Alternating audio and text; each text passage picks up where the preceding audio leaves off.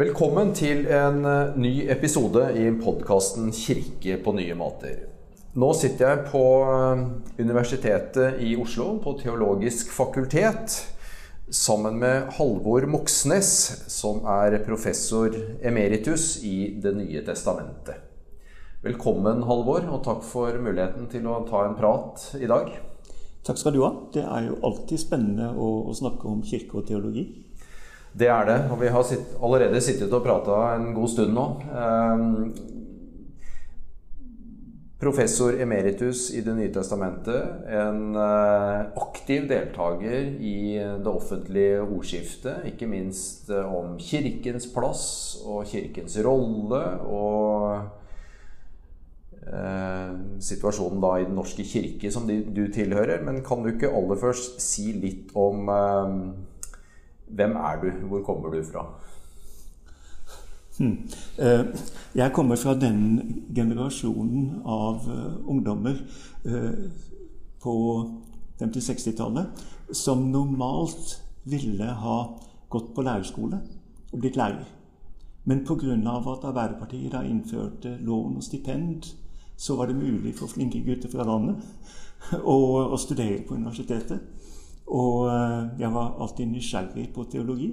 Eh, og, og derfor var det da et, eh, et storarta, en storarta mulighet. Og jeg hadde jo selvfølgelig tenkt å bli prest, men så var det vel noen av lærerne mine som fant ut at jeg var mer interessert i teologi enn de fleste, og burde få muligheten til det. slik at jeg fikk da sjansen til å ta en doktorgrad. Studerte i utlandet, uh, mest i USA. Og, og, den opplevelsen av å komme fra et homogent kirkelig og uh, sosialt samfunnsmessig miljø som Norge var på den tiden, til et sted Dette var Yale Divinity med folk fra fem verdensdeler og 40 forskjellige kirkesamfunn. var en sånn eye-opener for meg til den verden som var større enn en Norge.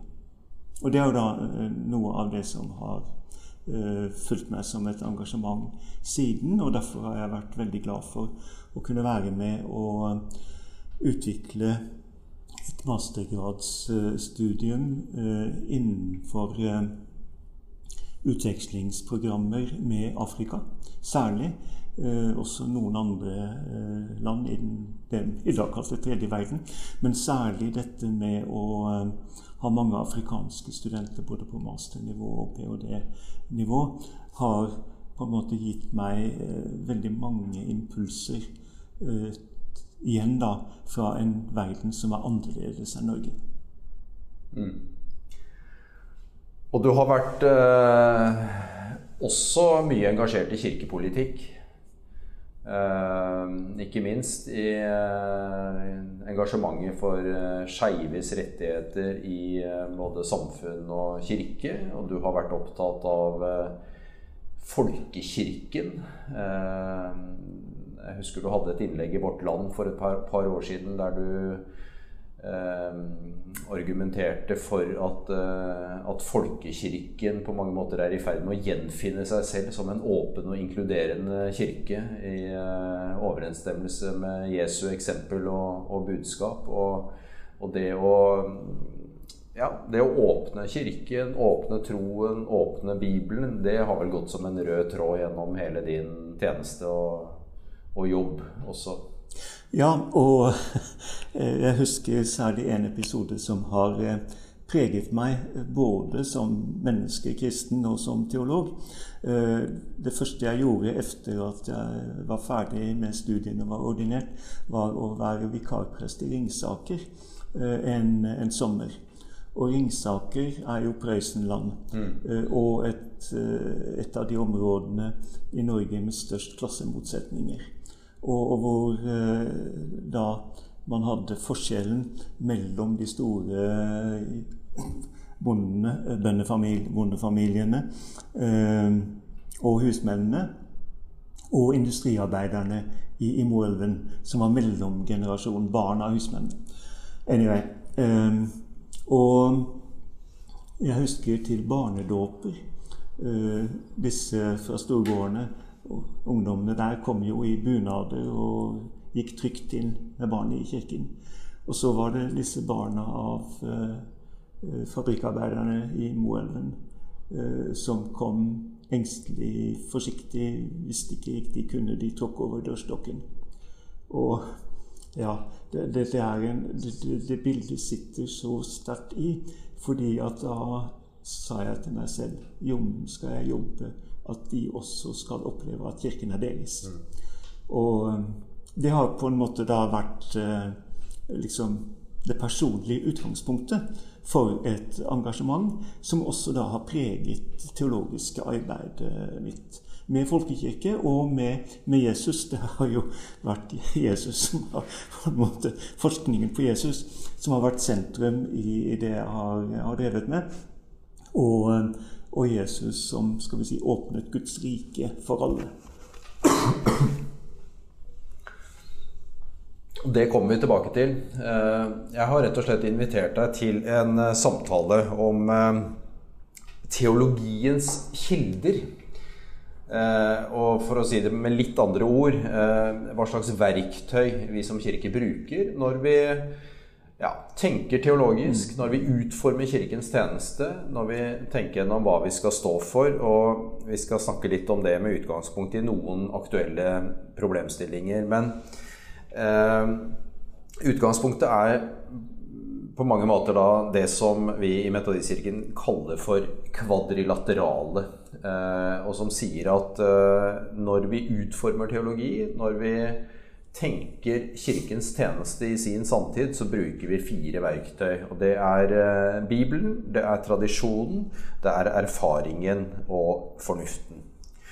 Og når vi snakker om dette, så Eh, vil nok de aller fleste metodister si at, at, Bibelen er liksom det grunnleggende verktøyet eh, vi bruker. Samtidig så har Metodistkirken aldri hatt noe fundamentalistisk bibelsyn. Vi har aldri sagt at Bibelen er eh, Guds ord eh, ned til minste detalj. Men sier noe om at liksom, hovedinnholdet, hovedbudskapet i Bibelen, det er tidløst og har noe å si til alle mennesker. Men at måten vi forstår det på, alltid må stå i en sånn gjensidig vekselvirkning da med de tre andre kildene. Og selvsagt så er det eh, sånn at det er en pågående samtale innen Metodistkirken om, eh, om, hvordan forholdet mellom disse fire kildene skal forstås. Eh, noen mener at Bibelen står veldig tydelig i en særstilling, og at de tre andre kildene er underordna, mens andre mener at forholdet mellom de er mer dialektisk, og at det må tydeliggjøres sterkere hvordan de fire både kritiserer, korrigerer og supplerer hverandre. Og eh, aller først så kunne jeg tenke, deg, tenke meg å spørre deg hva Altså denne Kall det teologiske metoden, da. Eller teologiens kilder. Hva, som eh, luthersk teolog det er ikke så veldig langt fra Den lutherske kirke heller. Jeg, jeg syns det er, er svært uh, gjenkjennelig, uh, og at det setter navn på ting som man i mange debatter ikke uh, er opptatt av eller tenker på. Fordi at vi kjenner jo begge til at norske debatter ofte blir et debatt om Bibelen. Hva sier Bibelen? Mens eh, det å eh, med disse tre andre elementene, eh, det er jo med på å tydeliggjøre hvordan arbeider vi og bruker vi Bibelen. Den lutherske kirke har jo liksom utgangspunkt i Skriften alene. Dette var jo en protest mot pavedømmet, den katolske kirke, om om, at Kirken på en måte kontrollerer uh, Bibelen. Samtidig så er det litt viktig når Luther sier Skriften, så er ikke det nødvendigvis lik Bibelen som en bok, men det er Bibelen som evangelium. Altså det, det er jo avgjørende at Bibelen er ikke automatisk en kilde Eh, med alle sine ord og, og uttrykk, den er Den peker jo på Jesus Kristus, som er kilden. Og, Eh, og det er jo det som bl.a. Eh, gjorde at Luther hadde et ganske fritt forhold til, til kanon, og, og, snakket om skrifter som, sånn som Jakobs brev, som ikke burde vært med i Bibelen, fordi at det pekte ikke på Kristus. Um, og en av mine lærere i teologi, Inge Lønning, han skrev sin doktoravhandling om dette. Hva er det som er det du snakket om som hovedinnholdet? Ehm, hva er det, sier han, spør han, som er sentrum eh, i, i Skriften? Den tyske betegnelsen var kanon. Altså hva, ehm, hva er det som er det, den egentlig avgjørende?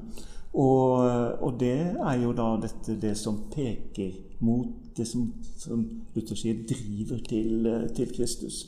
Slik at jeg syns det er det viktigste å si om Bibelen. At det er veldig viktig at den ikke blir den fjerde trosartikkel.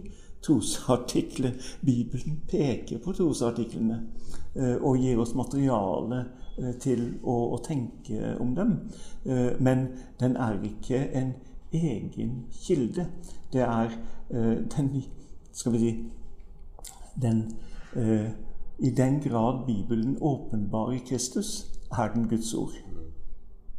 Og derfor så uh, vil jo vi i Den lutherske kirke være mindre gjøre mindre bruk av Det gamle testamentet enn en den skal vi si, den kalvinske tradisjonen fra reformasjonen, som la veldig mye vekt på Eh, på Det gamle testamentet og dermed på, på Bibelen som lov. Altså, jeg vil si at Det viktigste ved en luthersk forståelse av Bibelen er Bibelen som evangelium. Mm. Og, og, hvis vi øh, hvis vi går videre og tenker dette da i forhold til noen av de aktuelle sakene, så eh, Du har gjort et stort arbeid på resepsjonshistorien på Galaterne 3, hvor det står om her er det ikke jøde eller greker, slave eller fri, kvinne eller mann. Eh, det er jo en veldig sånn typisk tekst som, eh, som man på en måte må Man må oversette det til stadig nye kontekster. Ja, og, og, og dette peker jo på det elementet du, du nevnte om tradisjonen. Eh, fordi eh, riktignok så sier jo den eh, lutherske teologi at det er Skriften alene, i motsetning til katolske kirke, som bygget på tradisjon. Men, men, det er jo klart at alle kirker bygger jo på en tradisjon. og det gjør jo den lutherske kirke Eh, også. Eh, og i mange debatter, f.eks. nå i dette med synet på likekjønnet ekteskap og sånn, så, eh, så, blir det jo sånn at det er å bryte med tradisjonen. Og, og, da var det at det å studere hvordan Galaterne 328 ble forstått og brukt gjennom historien, den viser jo nettopp at det skjer stadig endringer. Fordi at eh, skal vi si, man må uttrykke troen i forskjellige situasjoner. Og, og da må tradisjonene endres. For Slaveriet er jo et godt eksempel på, på det. Eh, her er ikke slaver og fri. Eh, det som, Da man hadde den diskusjonen om opphevelsen av slaveriet på slutten av 1700-tallet og ut på 1800-tallet, Eh, særlig i USA, så var det jo de som forsvarte slaveriet, som hadde bibelargumentene på sin side. For Bibelen er jo full av utsagn om, om, slaver. Eh, om Abraham hadde slaver, og, og, og folk i lignelsen til Jesus hadde slaver. Slik at det, det er veldig lite som setter spørsmålstegn ved slaveriet som en sosial institusjon. Eh, og derfor så var det da at motstanderne av slaveriet. De måtte peke mer på skal vi si, den generelle holdninger i Bibelen om at Gud har skapt mennesker i sitt bilde, og, setter ikke noe skille eh, mellom svarte og hvite, f.eks. Eh, og eh, at for Gud er alle, i Guds øyne er alle like. Eh, det Hvis du skal tenke om hva betyr det i en situasjon hvor man har slaver i moderne tid, da blir slaveriet helt umulig å forsvare. Fordi at det er å skal vi si, forskjellsbehandle mennesker til en så alvorlig grad som slaveriet betød. Eh, så uansett om Bibelen tar slaveriet som en selvfølge, så kan vi med vår forståelse av hva betyr det at Gud har skapt oss likt, blir slaveriet umulig. Slik at det er et eksempel på at en tradisjon, og også Bibelen, ikke kan opprettholdes eh, i en ny situasjon. Og da er det noe av det samme, den samme tankegangen som ligger til grunn hvis vi skal gå til en annen sak, nemlig det med, med kvinnelige prester, f.eks. Som eh, ja, Det er ikke mer enn 50-60 år siden. Eh, det er vel ingen tvil om at Bibelen er eh, gjennomført patriarkalsk? Nei, det er, den, det er den jo åpenbart. Uh, og, og, det er jo Alle fortellingene i Det gamle testamentet viser jo det. Samtidig så er det sånn som i, i norsk middelalder med Kristin Lavransdatter og sånt, det forhindrer ikke at man kan ha sterke kvinner. men systemet er patriarkalsk. Og, og, og, da medførte jo den, den tenkningen også en, en rollefordeling eh, om hva som var mulig for, eh, eh, for, for kvinner å, å gjøre.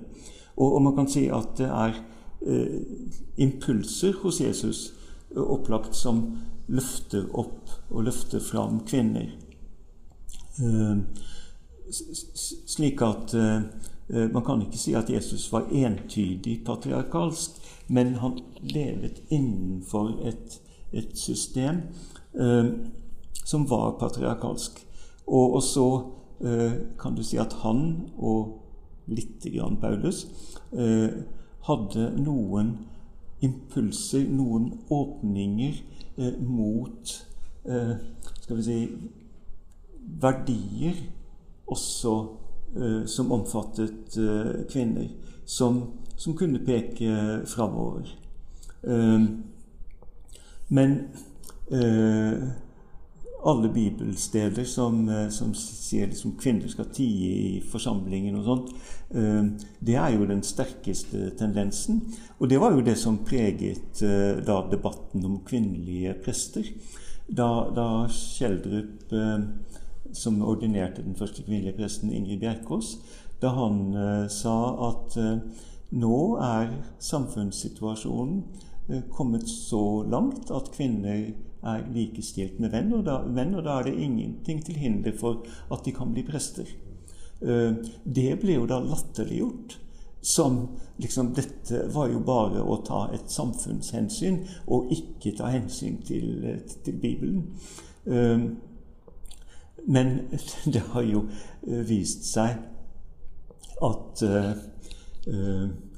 skal vi si Du kan ikke sette opp Bibelens patriarkalske samfunnssituasjon for 2000 år siden og si at det er Guds vilje i dag. At kvinner kan være likestilt i samfunnet, men ikke i Kirken.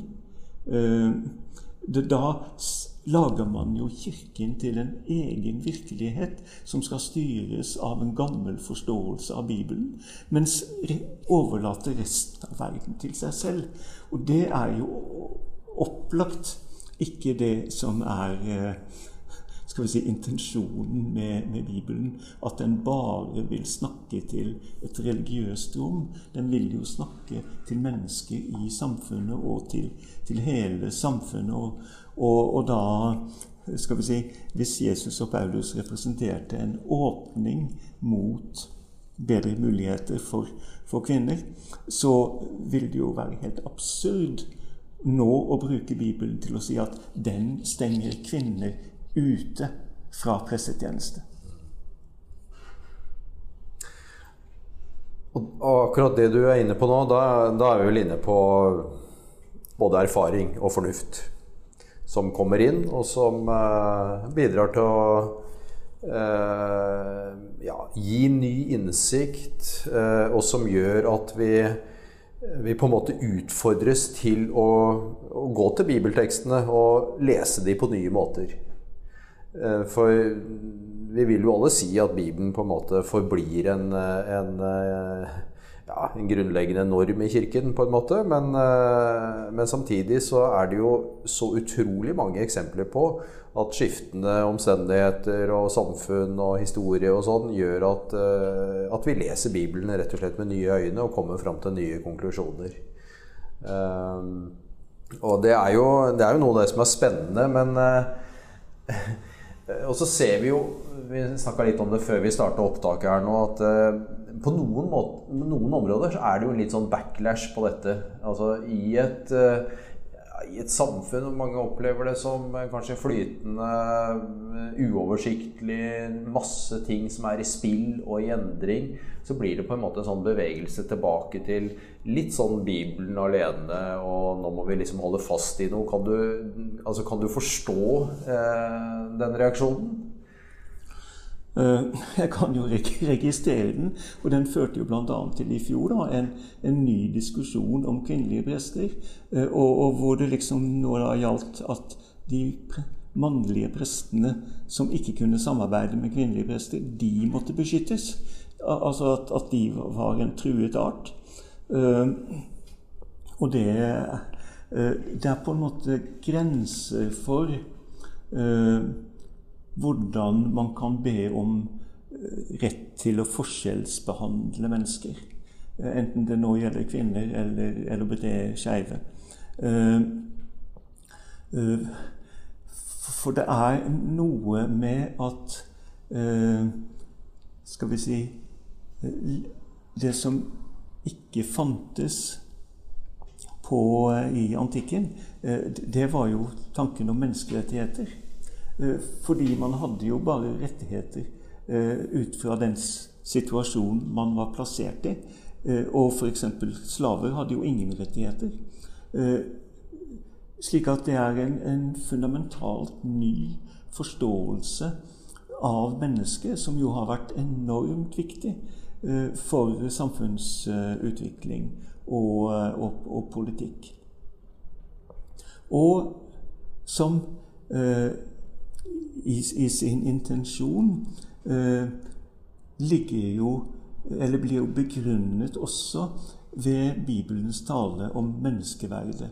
Gud som har skapt mennesket i, i sitt, uh, sitt, bilde.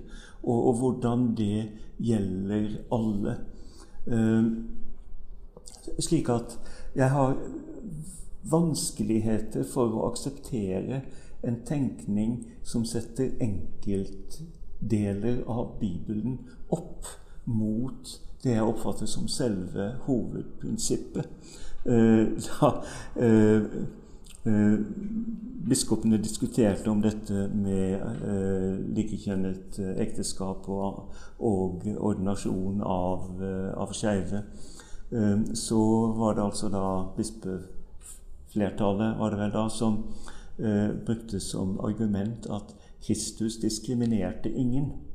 Eh, du kan si Det er et anakronistisk utsagn, for diskriminering eh, var vel ikke et, eh, et, ord som fantes for 2000 år siden. Men, men, det sier noe om Altså, hvis vi skal si noe om Kristus, så og, og hva som kjennetegnet hans møte med mennesker, så i moderne terminologi vil jo det helt klart være han diskriminerte ingen. Og, eh, og, det er da jeg mener at eh, de som vil ha rettigheter til å fortsette å diskriminere, eh, de kan ikke påberope seg evangeliet, samme hvor mange bibelsteder de laster opp. Mm. Da er vi inne på det som eh, kanskje er den mest aktuelle saken akkurat nå for tida, som du er inne på, med, skeives rettigheter til både å inngå ekteskap og bli ordinert til eh, tjeneste i kirken. Nå er jo den eh, kampen da på mange måter eh, Det er kanskje ikke helt over i Den norske kirke, men det har, gjort, det har blitt foretatt noen helt, helt, avgjørende vedtak, sånn at saken på en måte er, er avgjort, da, kan man vel si. Men den pågår jo i mange andre sammenhenger. og den saken, da, i lys av Galaterne 3.28? Ja.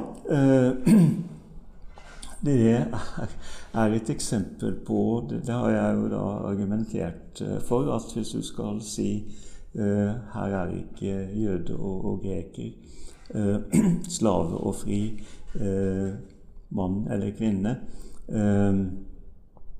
Det var på en måte de Eh, linjene som man tenkte samfunnet ut fra eh, på, eh, på den tiden.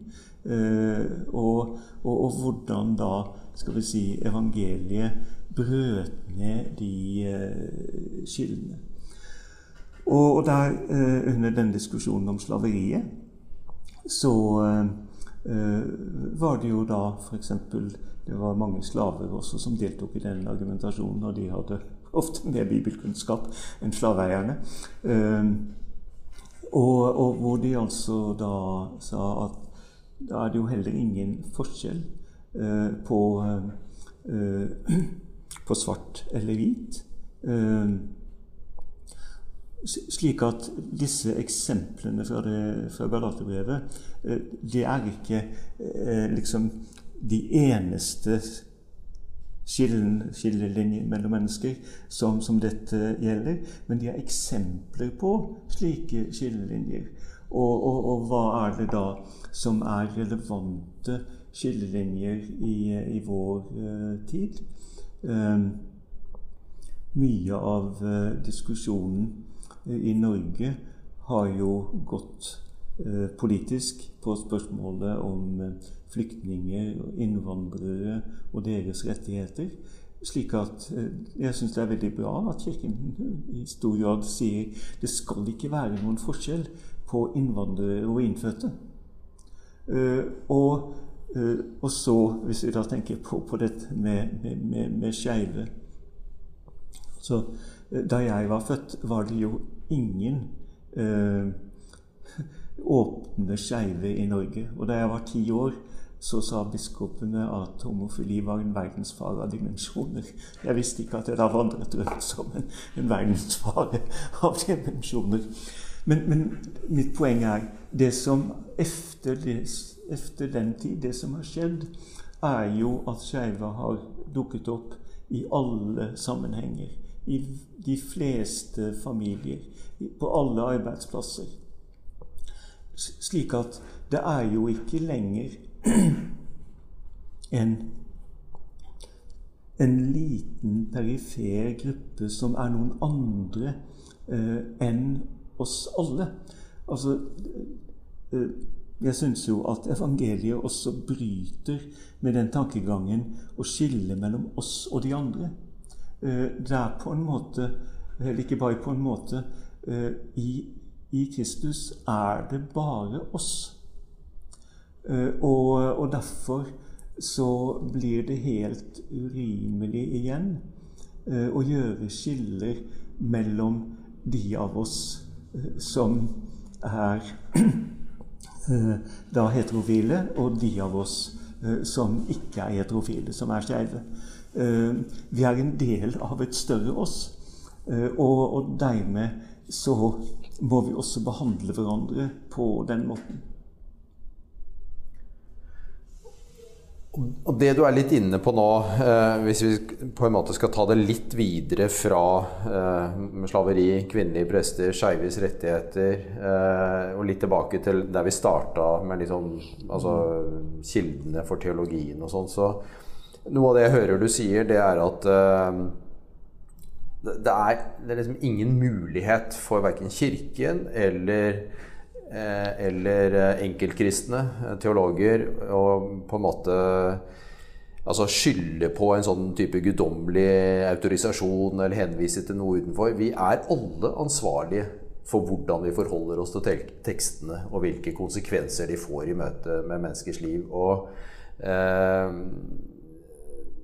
og jeg tenker at, at, noe av det du er opptatt av nå, det er liksom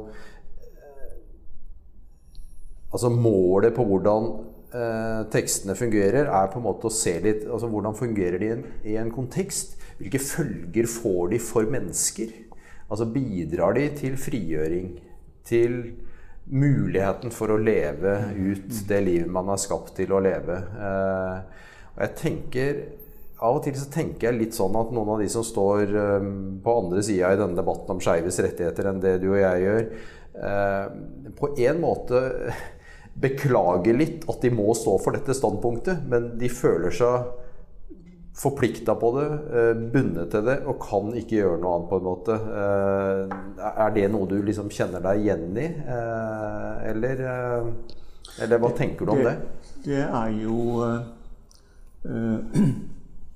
Det er jo et argument som jeg har møtt opp gjennom tiden. De beklager at Bibelen uh, fordømmer uh, homoseksualitet, uh, men de kan ikke gjøre noe annet enn å gjenta, gjenta det. Og, og da, da, har de på en måte De har ikke latt evangeliet få gjennomslag. Eh, fordi at eh, jeg liker ikke å snakke om bibelsyn, for det blir en sånn abstrakt kategori som vi bruker som et sånt overordnet prinsipp til å låse samtalen om Bibelen. Jeg vil heller snakke om bibelbruk. Eh, og, og, da blir det for meg umulig å bruke Bibelen som argument til forskjellsbehandling. Eh, og forholdet til, eh, til, til skeive og eh, parforhold og ekteskap, så har jeg alltid vært opptatt av at vi har like rettigheter og muligheter til å leve gode liv og like mye ansvar. Slik at det å, å, å liksom argumenterer for, eh, for likekjønnet ekteskap, det, det, er jo ikke å, å, slippe alt som har med, med seksualitet og samliv helt ut i det fri. Men det er jo Du kan se på, på ekteskapsritualet. Eh, det er den samme, den samme forpliktelse til å leve i fellesskap med hverandre og med Gud. Eh, det er det å skape en, en enhet. Eh, det er liksom å bekrefte alle de verdiene som Kirken har, har stått for. Eh, etter at den da kom til en forståelse av at menn og kvinner er likestilt. Et ekteskap er ikke et, eh, å kjøpe inn noen til en underordnet posisjon, eh, eller til å love å leve i et patriarkat, men det er til å leve i fellesskap, gjensidighet med, med hverandre. Og øh, da blir dette med å, å si at likekjønnede ikke kan gifte seg med hverandre, det, det blir som apartheidlovgivningen i Sør-Afrika og i delstater i USA om at hvite kan ikke gifte seg med svarte. Eh, for det, er da og, og, og, det var jo en like stor forbrytelse som tanken på et likekjønnet uh, forhold. Slik at uh, dette er denne form for inndelinger av, av mennesker eh, oppfatter jeg som helt uakseptabel. Simpelthen. Og eh, igjen i, strid med evangeliet. Mm. Ja, vi, vi, du, vi, snakker ikke om, eh, om, om, bibelsyn, men noe av det som jo er veldig åpenbart her, det er at liksom, Altså, Skriften alene, forstått bokstavelig, det, det, er en umulighet. Altså, Skriften står aldri alene. Og det har den aldri gjort i kirken heller. Uh, og jeg tenker i hvert fall i en del av de sammenhengene som jeg uh, kjenner best til, da, så er det noe med at man at noe, noe, av det man sliter mest med, på en måte, det er liksom at det der gapet mellom det man liksom tenker er troens innhold, og det man opplever i virkeligheten, opplever som sitt liv eh, At gapet rett og slett blir for stort. Man får ikke de to til å gå i hop. Og derfor så tror jeg altså, eh, rett og slett at, eh, at, den måten du beskriver ting på nå eh, kanskje er den eneste måten å få det til å gå opp eh, på. Eh, og hvordan man eh, ja, hvordan man søker på en måte en, en ja, Ikke kall det syntese, men, men, å på en måte innordne ting i en sånn helhetlig system da, som jeg syns er veldig, veldig fascinerende.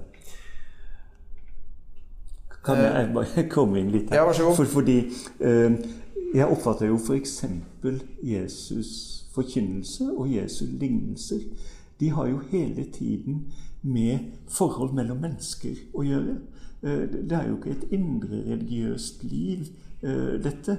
Men det er jo hvordan forholder du deg til din neste hvis du ser en mann som ligger skamslått i grøfta, eh, og Eller hvis du har en sønn som har dratt til utlandet og brukt opp alle pengene og, og, og, og kommer skamfull eh, hjem igjen, hva gjør du med ham? Så det, det, er Vi møter Jesus i forhold til et samfunn, og det er spørsmål om hvordan lever man eh, Hva sier Gud eh, om hvordan vi skal leve med, med hverandre? og slik at det er en misforståelse når kristendommen er, er blitt skal vi si, en indre følelse og bare eh, relatert til eh, mitt liv og eh, meg som enkeltmenneske og hva jeg mener om trosspørsmål og, og, og sånt. Altså, Jesus kaster oss ut i, i, verden til å leve med vår neste, med evangeliet, med eh, håpet om, om, Guds rike, og med et ansvar for å leve i, i, i dette. Og, og, det var veldig forskjellig i et, skal vi si, et lite jordbrukssamfunn i Palestina i første århundre.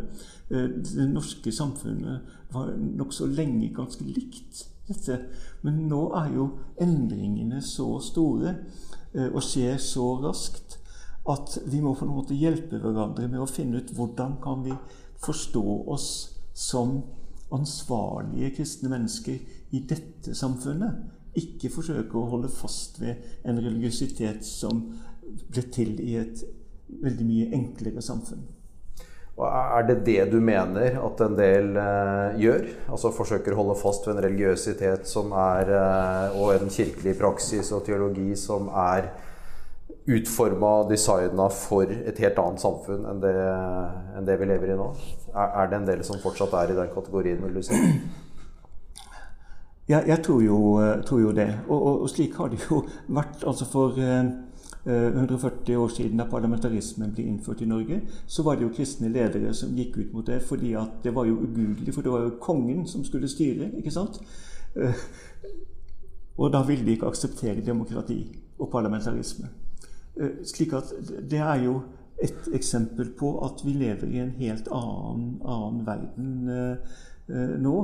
Og, og, jeg tror som sagt også at dette her, særlig diskusjonen om, om kvinnelige prester, at eh, det, det, er på en måte, en måte, å tenke om Kirken som atskilt, som en egen sektor fra samfunnet, eh, som jeg oppfatter som helt umulig. Vi må behandle folk likt, enten det nå gjelder en jobb i Kirken, eller om det gjelder en jobb på Kiwi.